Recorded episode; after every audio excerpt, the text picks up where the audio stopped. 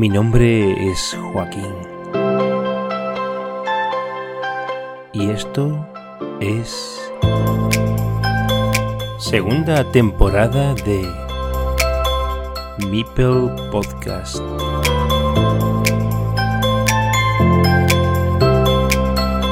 Welcome to Carcassonne.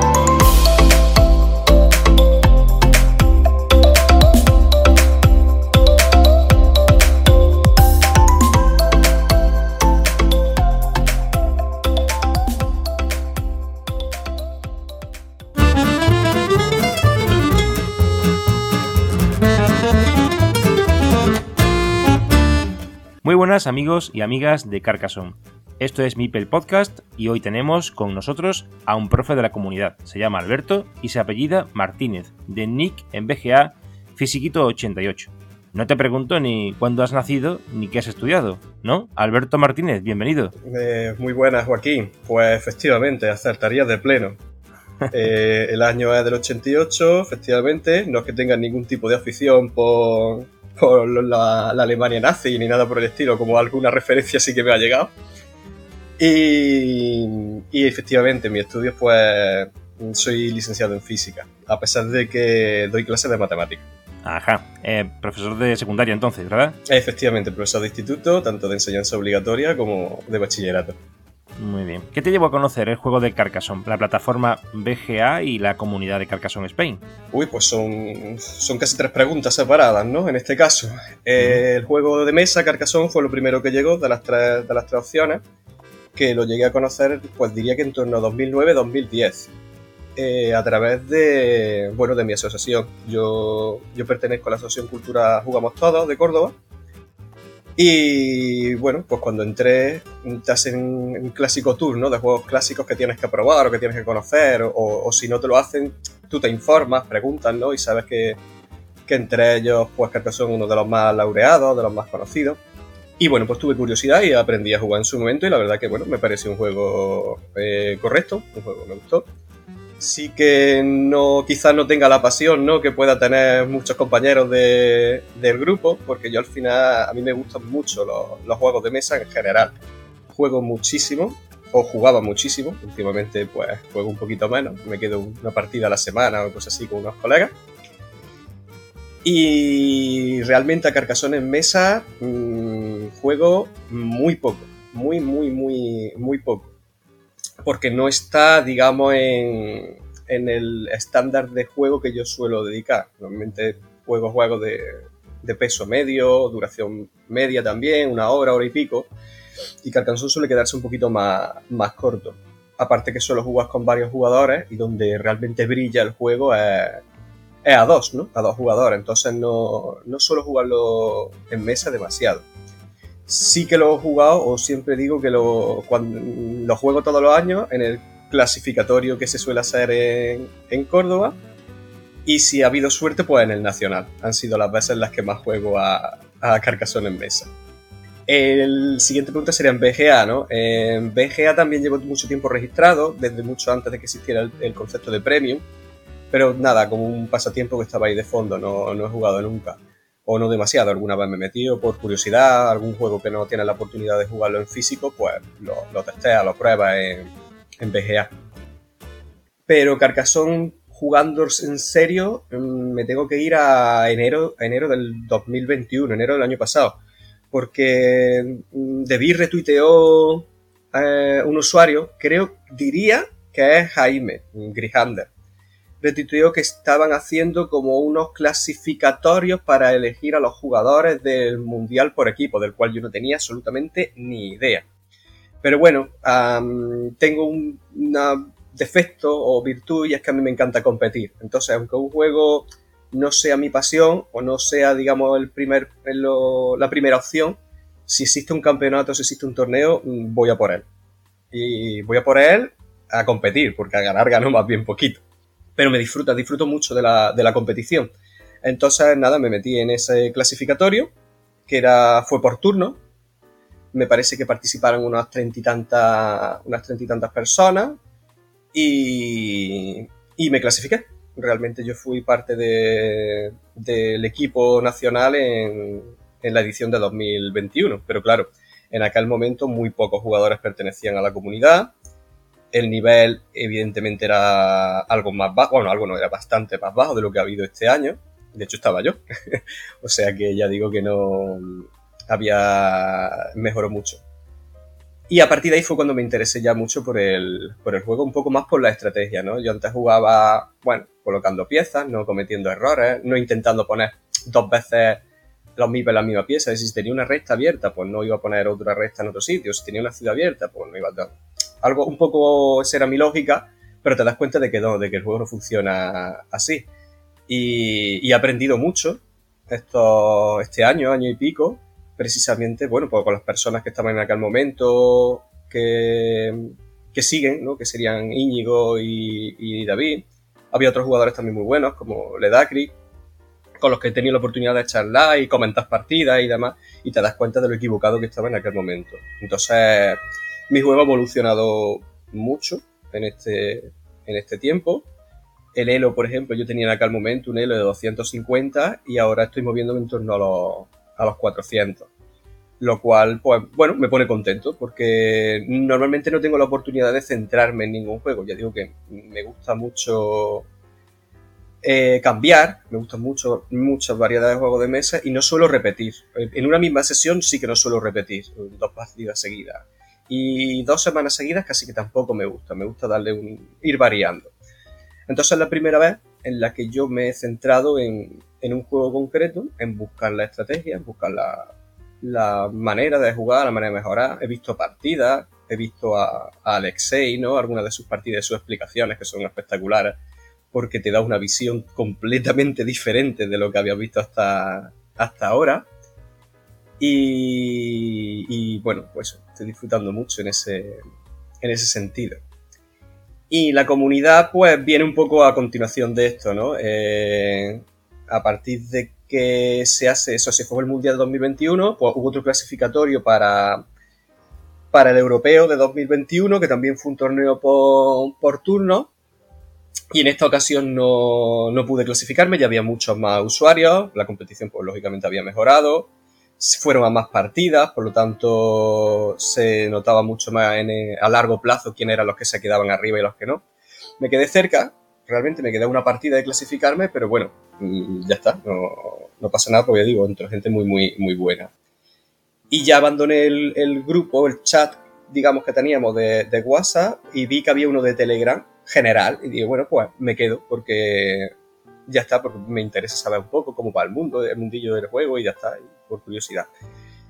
Y la verdad que me parece un grupo muy interesante, ¿no? Porque eh, veo que eh, antes, de todo el tema de la liga, pues me gustaban mucho los puzzles, ¿no? Los acertijos que iba poniendo tanto Estroncio como Íñigo, de dónde pondría esta pieza, por qué. Y vi las discusiones y muchas veces yo veía muy claro y decía, pues esta, aquí. Y de repente ves que todo el mundo dice algo distinto. Y dices tú, bueno, pero ¿por qué? ¿Por qué? Y das las explicaciones y dices, claro, yo tiene mucho, mucho más sentido.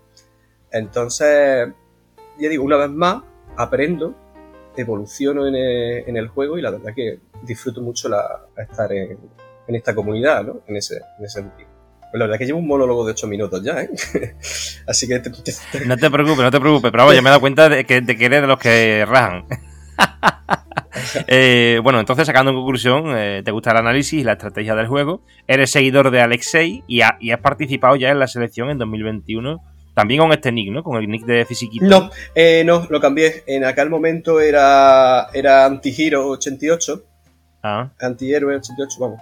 Y lo, lo cambié al principio de esta liga.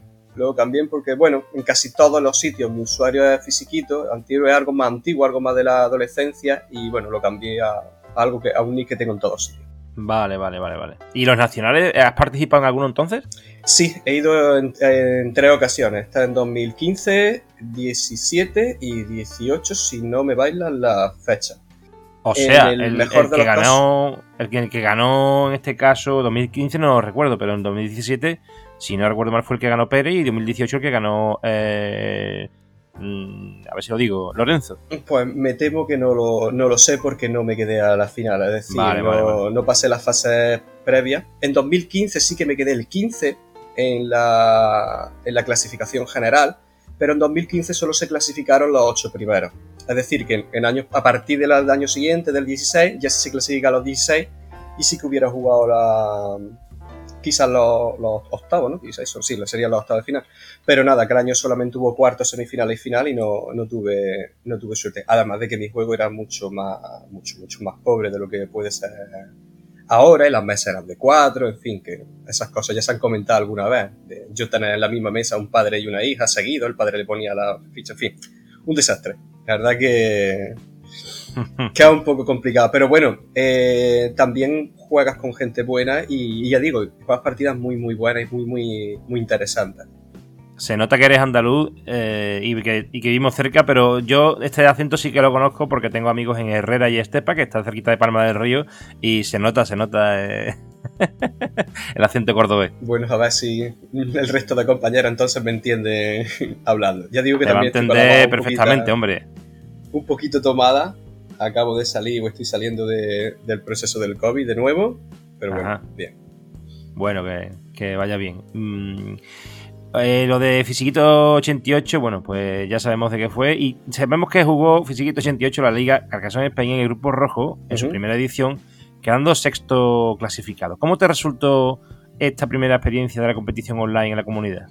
Pues me ha gustado mucho, la verdad. Ya digo que a mí la competición sana me gusta, me gusta mucho. Ya tuve la oportunidad en el Mundial de, de, jugar más o menos con el mismo formato, ¿no? De a tres partidas, que en el Mundial ya el 2-0 ya acababa, pero bueno, no, dejas un formato muy parecido.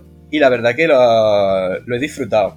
Sí que se ha notado frente a la Liga Élite, digamos, en la que hubo una competencia más parecida o más pareja, ¿no? Sí que se ha notado quizás en los grupos rojo y azul que había una gran diferencia entre primero y último, ¿no? en cuanto a nivel. He tenido partidas muy fáciles o muy cómodas y he tenido partidas muy reñidas y, las que me sufrí y he perdido, lógicamente. Y la verdad que, bueno, ya digo, una experiencia impresionante. Tengo muchísimas ganas de, volver a jugar, de, de que empiece la segunda temporada. En esa primera edición, ¿quién destacarías como el rival más, que más, trabajo te ha costado de, jugarle o más correoso? Eh, con independencia del resultado, quiero decir. Con independencia del resultado, claramente ha sido Alexis, ¿no? Que, ha sido el ganador, ¿no? a pesar de que tuve la fortuna de, ganarle, porque esa es, la, la realidad, tuve la fortuna de, de ganarle Además, él mismo comenta ¿no? en su entrevista de que jugó dos partidas seguidas en un horario un poco raro, ¿no? Muy temprano, en fin, que lo entiendo. Pero claramente que, a lo mejor en otras circunstancias no, el resultado quizá no hubiera sido el, mismo. Otra de las partidas duras fue, ha sido con. Es que no, voy a decirlo mal, pero que es Dar, Darvid, ¿no? Darvid Mil o. Sí, sí, sí, sí, Darvid Mil. O algo así, algo así que ha sido el único que me ha metido un 3-0, realmente. Efectivamente, sí. Lo he estado mirando y ese es el único que te metió un 3-0, sí. No, no hubo manera, o sea, no. Además, esa partida estaba Luis mirándola, estaba de espectador, y es que no, no había manera, no. Jugó muy bien y sorprendentemente luego se ha quedado muy bajo, o sea, bajo, se ha quedado por detrás, ¿no? En la, clasificación. Me sorprende porque a, a priori, como fue de los primeros partidos que jugué, lo veía como un claro favorito pero no sé si es que ha tenido mala suerte en el resto de, partidas o yo tuve muy mala suerte en, su partida con, él, la verdad. Pero así también de los rivales más, más duros, ¿no? Ha quedado por debajo tuya un punto, sí. Una partida, ¿verdad?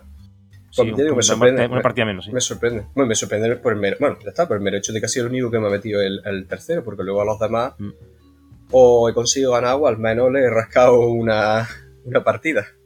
Sí, eh, además he estado mirando y eres el tercer jugador con más partidas ganadas en la Liga Roja. Tal vez porque has ganado cinco encuentros por 3-0 y solo has perdido ese de, David por esa misma cantidad de, duelos, o sea, de, partidas o juegos eh, en contra. Y sobre todo, yo creo que porque las únicas que has perdido, salvo la citada de David, eh, las has perdido por la mínima. O sea, que has puntuado en todas, en casi todas. Sí, ya digo, además duelos muy interesantes. El de Radar, el de Pidiframe eh, el de Douglas también fue un duelo muy, interesante. O sea, todos estuvieron ahí que podían haber caído para cualquier lado de la, de la balanza. esos fueron esos tres creo que se quedaron en 1-1 y hubo un desempate y podían haber caído para un lado para, o para otro. Entonces, ya digo, partidas muy, muy, muy divertidas y muy demandantes. ¿Cómo ves la segunda edición y cómo te ves de cara a esa segunda eh, liga a la luz de la experiencia de la anterior? Bueno, pues habrá que ver al final cómo va a ser la organización de los, de los grupos, ¿no? Porque es verdad que ahora, como comentaba en su momento en el chat de Telegram, el grupo rojo se está desmoronando, ¿no? De repente en cuatro o cinco personas abandonan por su motivo la, liga, entonces habrá tránsito de los jugadores de la liga azul a la nuestra Habrá nuevas incorporaciones, que bueno, no sabemos quiénes son ni qué nivel tendrán. Así que no lo sé. Es decir, si el grupo se quedara tal y como está, pues yo aspiro a intentar llegar a los puestos de cabeza, la verdad. Porque como te comentaba, había tres duelos que han caído, que perdí, pero con un poquillo de suerte quizá lo hubiera ganado. ojo, y también el de Alexei lo gané cuando... No, Alexei no, Alexei. Alexei posiblemente también lo hubiera lo hubiera perdido. O, también perdí, por ejemplo, uno con Fernando, con Grey 6, que es el único duelo que ha ganado el, chaval, lo ha ganado con, contra, contra mí. Cuando, bueno, pues se supone que no, que los números me darían la victoria en porcentaje. Y fíjate, pues, pues también lo perdí. Mm, espero cualquier cosa. Eh, aspiro a pelear, a estar los puestos arriba, pero puede ocurrir cualquier cosa, la verdad. Mm. Y oye, hablando de la comunidad, aunque ya has comentado sobre ella, pero ¿qué balance haces de la asistencia de Carcassonne Spain, del modo en que interaccionamos en Telegram, de los canales abiertos y de la selección, etcétera, en general?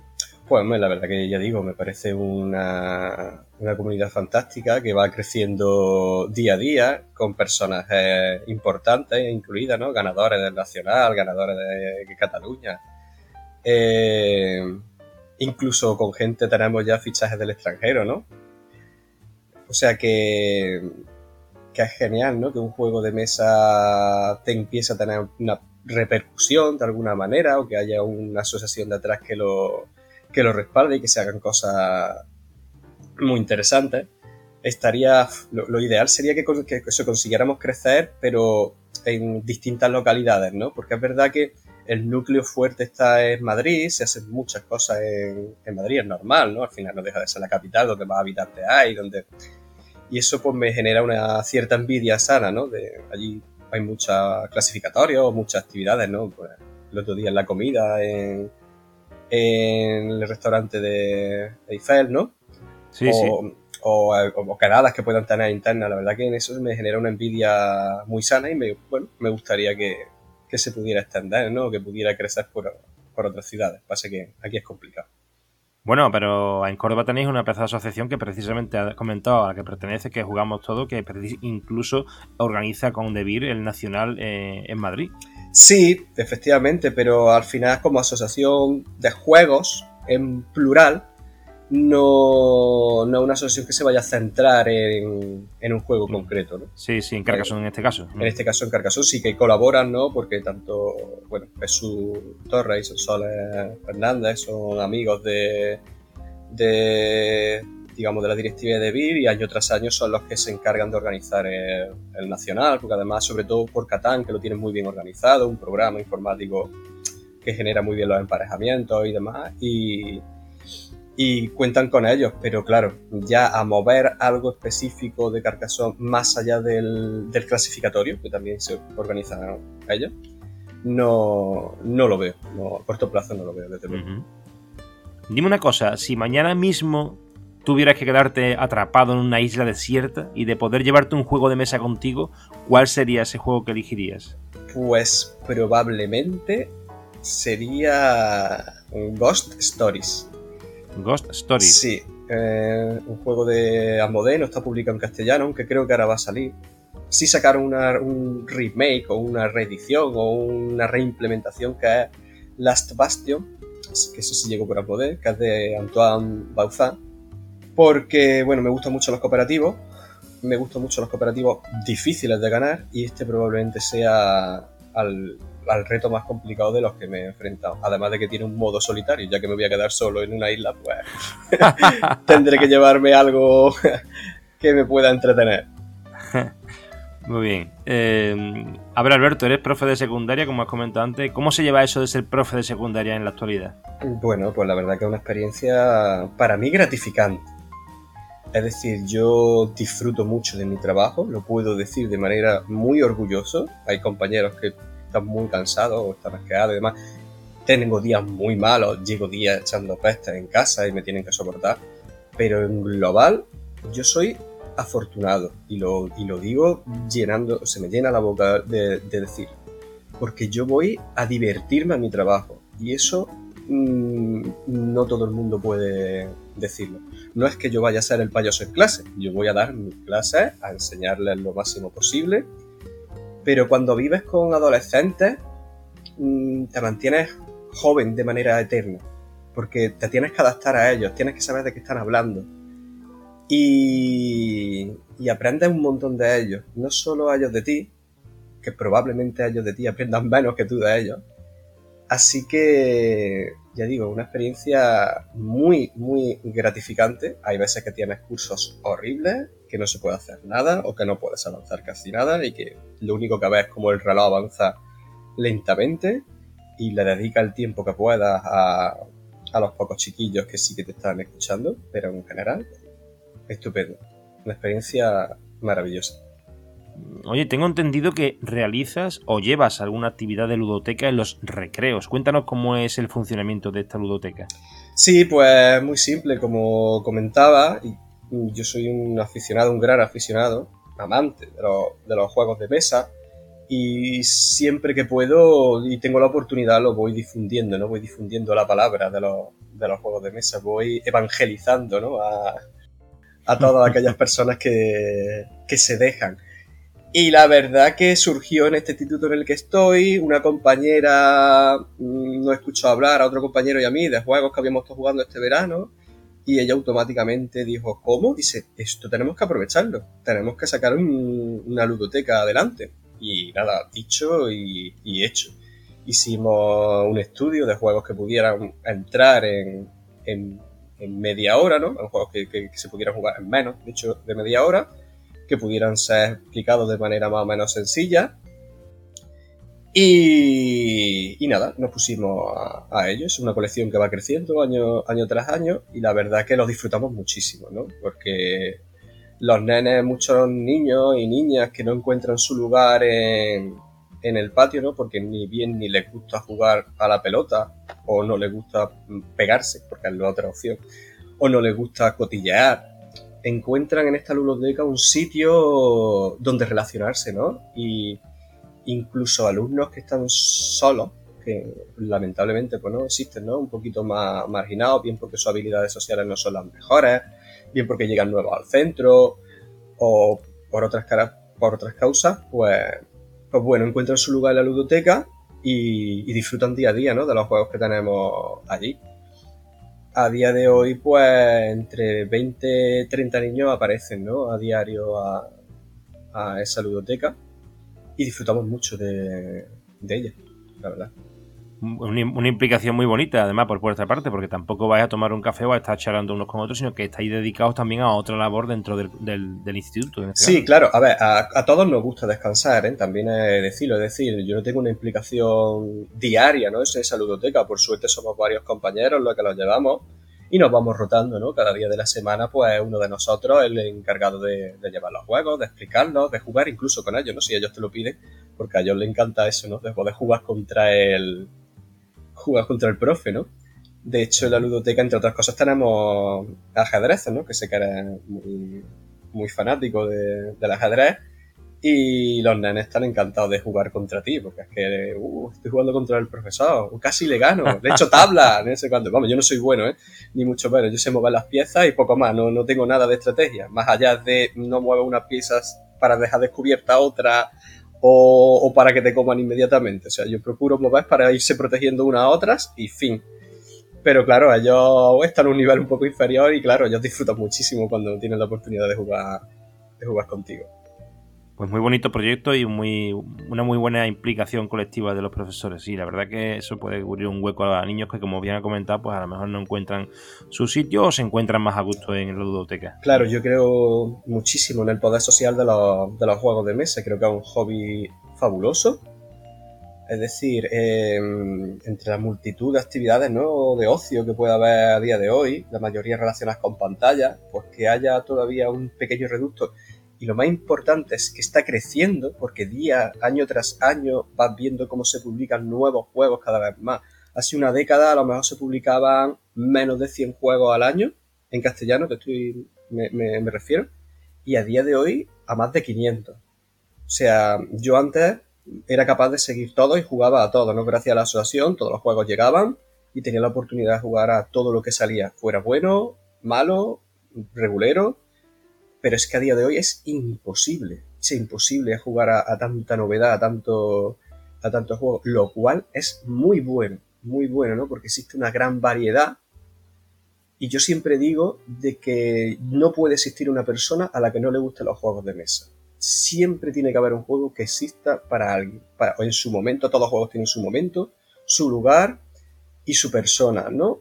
Y, y es fantástico. Y creo que es un hobby, pues eso, maravilloso, te permite charlar, interaccionar mientras estás jugando, ponerte al día, conocer a la persona. De hecho, el propio Arquímedes decía, ojo que puedo estar patinando, ¿eh? luego lo buscamos, pero yo creo que Arquímedes era el que decía que en una hora de juego, no, no era Arquímedes, era Platón. Bueno, perdón, es un filósofo de la época griega, que que en una hora de juego podías conocer mucho más a una persona que en horas y horas de conversación. Sí, pues, interesante. De hecho, ya voy a tener que buscarlo, porque no sé quién, quién lo dijo exactamente. Oye, ¿y, crees que tanto Carcassonne como otros juegos de mesa pueden tener alguna utilidad en el aula más allá del aspecto este que has comentado social del juego? O dicho de otra manera, ¿aportan aspectos útiles y transversales o desarrollan aptitudes determinadas en el alumnado? Eh, aquí voy a ir un poco a contracorriente con las nuevas tendencias, ¿no? Cada vez se habla más de gamificación, ludificación, aprendizaje basado en juegos, ¿no? Todos esos términos están eh, eh, en nuestro día a día en, educación. Yo, a pesar de, bueno, me considero una persona joven aún, en ese sentido no, no, entro ¿no? En, ese, en, en, esa utilidad de llevar los juegos al aula. Y ojo, voy a matizarlo mucho, en secundaria. Creo que en primaria es básico el juego como desarrollo de, las personas, porque aprenden muchas cosas, a tener paciencia, a saber cuándo es tu turno, a respetar unas reglas, a tener un orden. Se aprenden ciertos contenidos, porque al final en la mayoría de los juegos tienen aritmética, tienen cálculo, ¿no? Cálculo mental rápido y para cursos bajitos eh, desde el punto de vista de las matemáticas voy a opinar, ¿vale? Que es un poco mi campo de, control. Son muy útiles, o seguramente sean muy útiles. No tanto en secundaria. Es decir, en secundaria la aritmética pasa a un segundo paso, a un segundo plano. Trabajamos números enteros, números decimales, en fin, trabajamos con los números en los primeros cursos, pero eso va dejando paso ya al lenguaje simbólico, ¿no? Como son el álgebra, las ecuaciones. Y a día de hoy no existe, ¿no? Es un juego que profundice o que te permita trabajar, ¿no? Es decir, yo puedo inventar juegos, yo puedo crear actividades lúdicas, pero juego de mesa específico que sirva para trabajar álgebra, análisis, geometría, mm, no, no creo que, que exista. Quizás en otras ramas, quizás en otra asignatura sea distinto, pero claro, yo voy a hablar de donde yo lo veo. Y aparte, que es muy difícil explicar un juego. Los juegos de mesa al final tienen un número limitado de jugadores. Desde dos jugadores, ¿no? O uno. Así que hay algunos juegos masivos, ¿no? Como puede ser el Hombre Logro de Castro Negro, que te permite jugar 30 personas o cosas así. Pero no es lo normal, ¿no? Lo normal es un juego de mesa que tenga un número limitado, 3, 4, 5, 6 jugadores. Y eso en un aula de 30 personas es muy difícil, muy, muy, muy difícil llevarlo. Porque cuando le estás explicando los juegos a, un grupo, los otros se te han perdido y están montando escándalo y están montando un pollo y están... Entonces, mi experiencia es negativa en ese aspecto. Lo he intentado. O sea, no digo, no hablo por, uh, qué difícil. No, no, lo he intentado y para mí ha sido una auténtica odisea. No, no ha sido posible que salga adelante. Sí que ha salido adelante en grupos reducidos, ¿vale? En secundaria existen grupos más pequeños, los que antes se conocían como diversificación, ahora como OPEMAR y a partir del año que viene otra vez diversificación, que son un grupo de alumnos que por sus características eh, tienen que salir del grupo, de un grupo grande. Es decir, en un grupo grande no te atienden, no, no se enteran, se despistan. Sin embargo, cuando trabajas con ellos en grupos pequeños de 8, 9, 10 personas, salen adelante. Y en esos pequeños grupos, ahí sí que puedo introducir los juegos de mesa. Y dicho, los introduzco. Este año he, jugado con ellos, he tenido un grupo de ese estilo. Y, hemos trabajado, pues a lo mejor los números enteros, pues con un juego de mesa que se llama Coyote. No sé si lo conoces, que es de unas plumas que te ponen en la cabeza. Cada jugador tiene una pluma con un número. Y entonces tienen que saber la suma total sin saber lo que él tiene en la cabeza, haciendo un poco, bueno, viendo lo que van diciendo los demás. Sí, como el juego de los chinos, ¿no? Que se efectivamente, eso es, efectivamente. Solo que los chinos funciona al revés. En el chino tú sabes lo que tienes, pero no sabes lo que tienen los demás. Sí, sí, sí. O, bueno, Hanabi, no sé si también lo conoces, tiene un poco la misma mecánica, ¿no? Tú ves todos los demás, menos lo, tuyo. Entonces, con esa idea, pues trabaja, ¿ves? ahí sí trabaja la aritmética, trabaja los números enteros. Pues tiene cabida, pero tiene cabida en un grupo pequeño. En un grupo muy numeroso no, no lo veo yo factible. Pero vamos, que que seguro que hay gente que lo ha hecho, ¿eh? Y, hay muchas personas que dicen que sí, que es posible, que sale adelante, pero bueno, mi experiencia no es, no fructífera, la verdad. Tenía una pregunta que te decía, eh, que si los políticos de turno en alguna eh, circunstancia utópica dieran la oportunidad de que eso sucediera, o sea, decir, porque al final depende muchas veces de la política y de, y de los acuerdos que lleguen en el plano ¿no? que está por encima de, del ámbito educativo, sino que más bien es una decisión de arriba. Eh, que si estarías a favor o en contra, ¿no? De que se pudiera establecer una asignatura, pues ya te digo, de ajedrez o de carcasón o de juegos de mesa en general en las aulas, ¿no? Ya sea en primaria o en secundaria, pero más o menos me ha respondido, porque consideras que en, la parte básica, que sería la, la primaria, pues tiene más sentido y a lo mejor la secundaria, que ya se va complicando la cosa, los juegos tienen un aspecto diferente, sobre todo cuando se trata del control de los alumnos en el mismo aula, ¿no? Y son un grupo grande en este caso ya. Casi, casi me ha respondido a esa pregunta, alguna cosa que... Sí, no, existen, vamos, creo que en algunos países existe, ¿no? La asignatura como ajedrez, creo que en China existe, trabajan el Go en clase, ¿no? Sí. Pues a mí me encantaría, la verdad, o sea, que existiera la oportunidad de decir, además que la, cogería, ¿eh? Créeme que la que cogería esa asignatura, porque, claro, es que el, así me explico, yo mi problema está en que si llevo el juego al aula, no avanzo en los contenidos, ¿no? Existe una serie de contenidos, de actitudes, de, que tengo que evaluar, ¿no? O que tengo que impartir por un currículum porque lo implica la ley.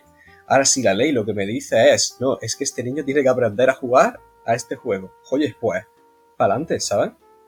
Que, que encantado de poder llevarla adelante. Lógicamente, el primer paso sería el ajedrez, ¿no? Por su popularidad que ya existen mm, proyectos. Hay un proyecto en el aula que se llama Aula de Jaque, que de hecho posiblemente el año que viene la lleve a, mi instituto.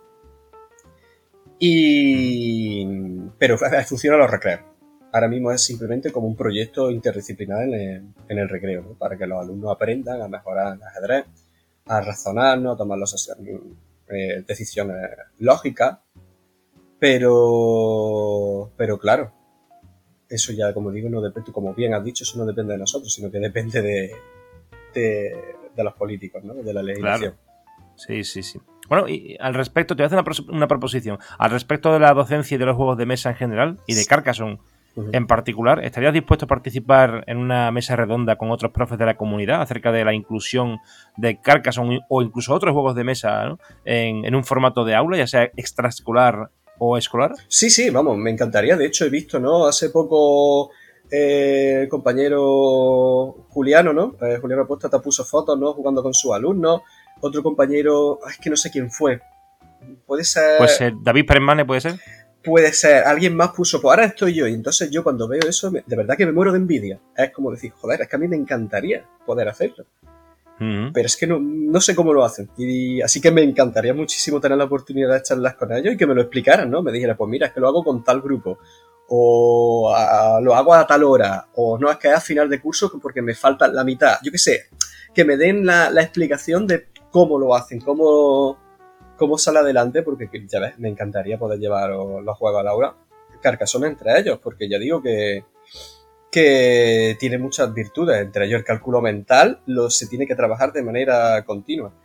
Yo soy malísimo para el cálculo mental, a pesar de que doy clases de matemáticas, pero malísimo. Y, lo estoy desarrollando y lo estoy trabajando gracias a, bueno, a la liga, ¿no? A, la arena, que me he picado también mucho jugar a Carcassonne en la, en la arena. Y si a mí, como una persona adulta, me está ayudando a mejorar, evidentemente a los alumnos que tienen, que están en pleno desarrollo, que su cerebro no está totalmente formado, pues la, evolución sería muy, muy, muy, muy buena. Bueno, pues te vamos a decir un hasta luego y vamos a esperar tu participación. Te vamos a hacer un llamamiento, como a otros profes de la comunidad, próximamente, para hacer esta mesa redonda. Así que me despido de ti aquí. Muchas gracias, Alberto, por tu presencia en mi Podcast. Nada, un placer eh, charlar contigo, Joaquín. Y, quedo a la espera, ¿eh? No, no es broma, quedo a la espera de esa posibilidad de tener una, una mesa de debate con otros compañeros. Por supuesto. Y a todos los escuchantes y escuchantas, nos vemos en el próximo episodio. Hasta luego.